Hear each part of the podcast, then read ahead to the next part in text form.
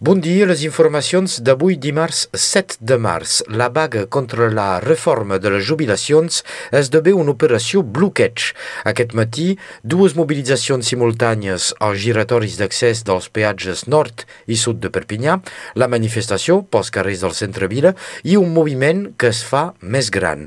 Moltes pertorbacions a la xarxa d'autobusos de l'aglomeració, cap avió a l'aeroport de Perpinyà i només dos de cada cinc trens. Aquesta nova jornada jornada de vaga, aquesta vegada reconductible, arriba just quan el Senat acaba de votar la supressió dels règims especials de cotització dels nous assalariats.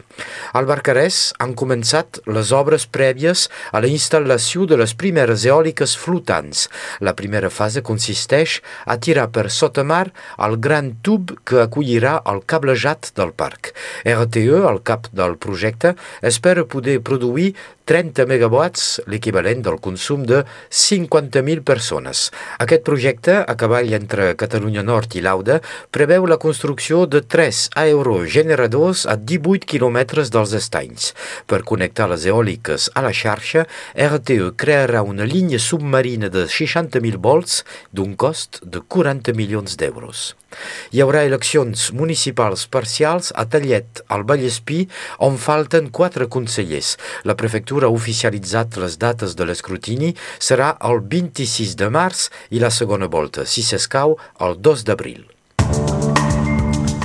Se'n diu Vanessa Mendoza Cortés, és andorana i és perseguida per haver denunciat la prohibició de l'avortament al seu país. L'activista que milita per la despenalització de l'avortament és acusada d'haver portat prejudici al prestigi i la reputació d'Andorra, segons el procurador que avança l'article 325 del Codi Penal andorrà. Per aquest delicte, l'acusada risca una pena de presó ferm i una multa de 30.000 euros. Amnistia Internacional ha llançat una petició en línia. Andorra és dels pocs estats on l'IVG és prohibit per qualsevol motiu. A Barcelona, l'Hospital Clínic ha patit un ciberatac molt sofisticat que va obligar la suspensió de milers de consultes i desenes d'operacions. L'atac informàtic, vingut des de l'estranger, és encara un misteri pels Mossos d'Esquadra i la Interpol. S'ha produït amb mètodes pocs habituals, segons Tomàs Roy, director general de l'Agència de Ciberseguretat de Catalunya, que ha explicat que darrere el ciberatac hi ha una empresa de cibercrim que es diu Ransom Out House. L'hospital, paralitzat, espera poder recuperar les dades dels pacients com més aviat millor. A Catalunya hi ha cada any desenes de milions d'atacs, dels quals el 98% són bloquejats. Fa un any i mig va passar el mateix a la Universitat Autònoma de Barcelona.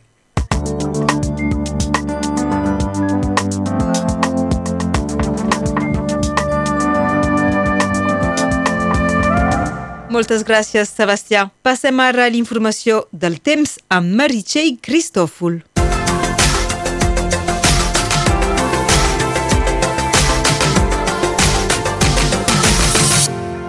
A finals de tarda, el vent hauria de s'intensificar. Les ràfegues màximes podrien bufar a 45 km per hora. Al llarg del dia es preveu clarianes a la plana del Rosselló.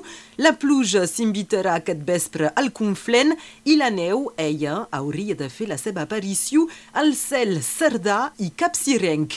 Pel que fa a les temperatures, avui es preveu 14 graus a Perpinyà, a Seret i a Estagell, 13 a Banyuls de la Marenda, a Sant Nazari i a Prada, 10 a Noedes, 6 a Enveig i a Mentet i 4 graus a Formiguera.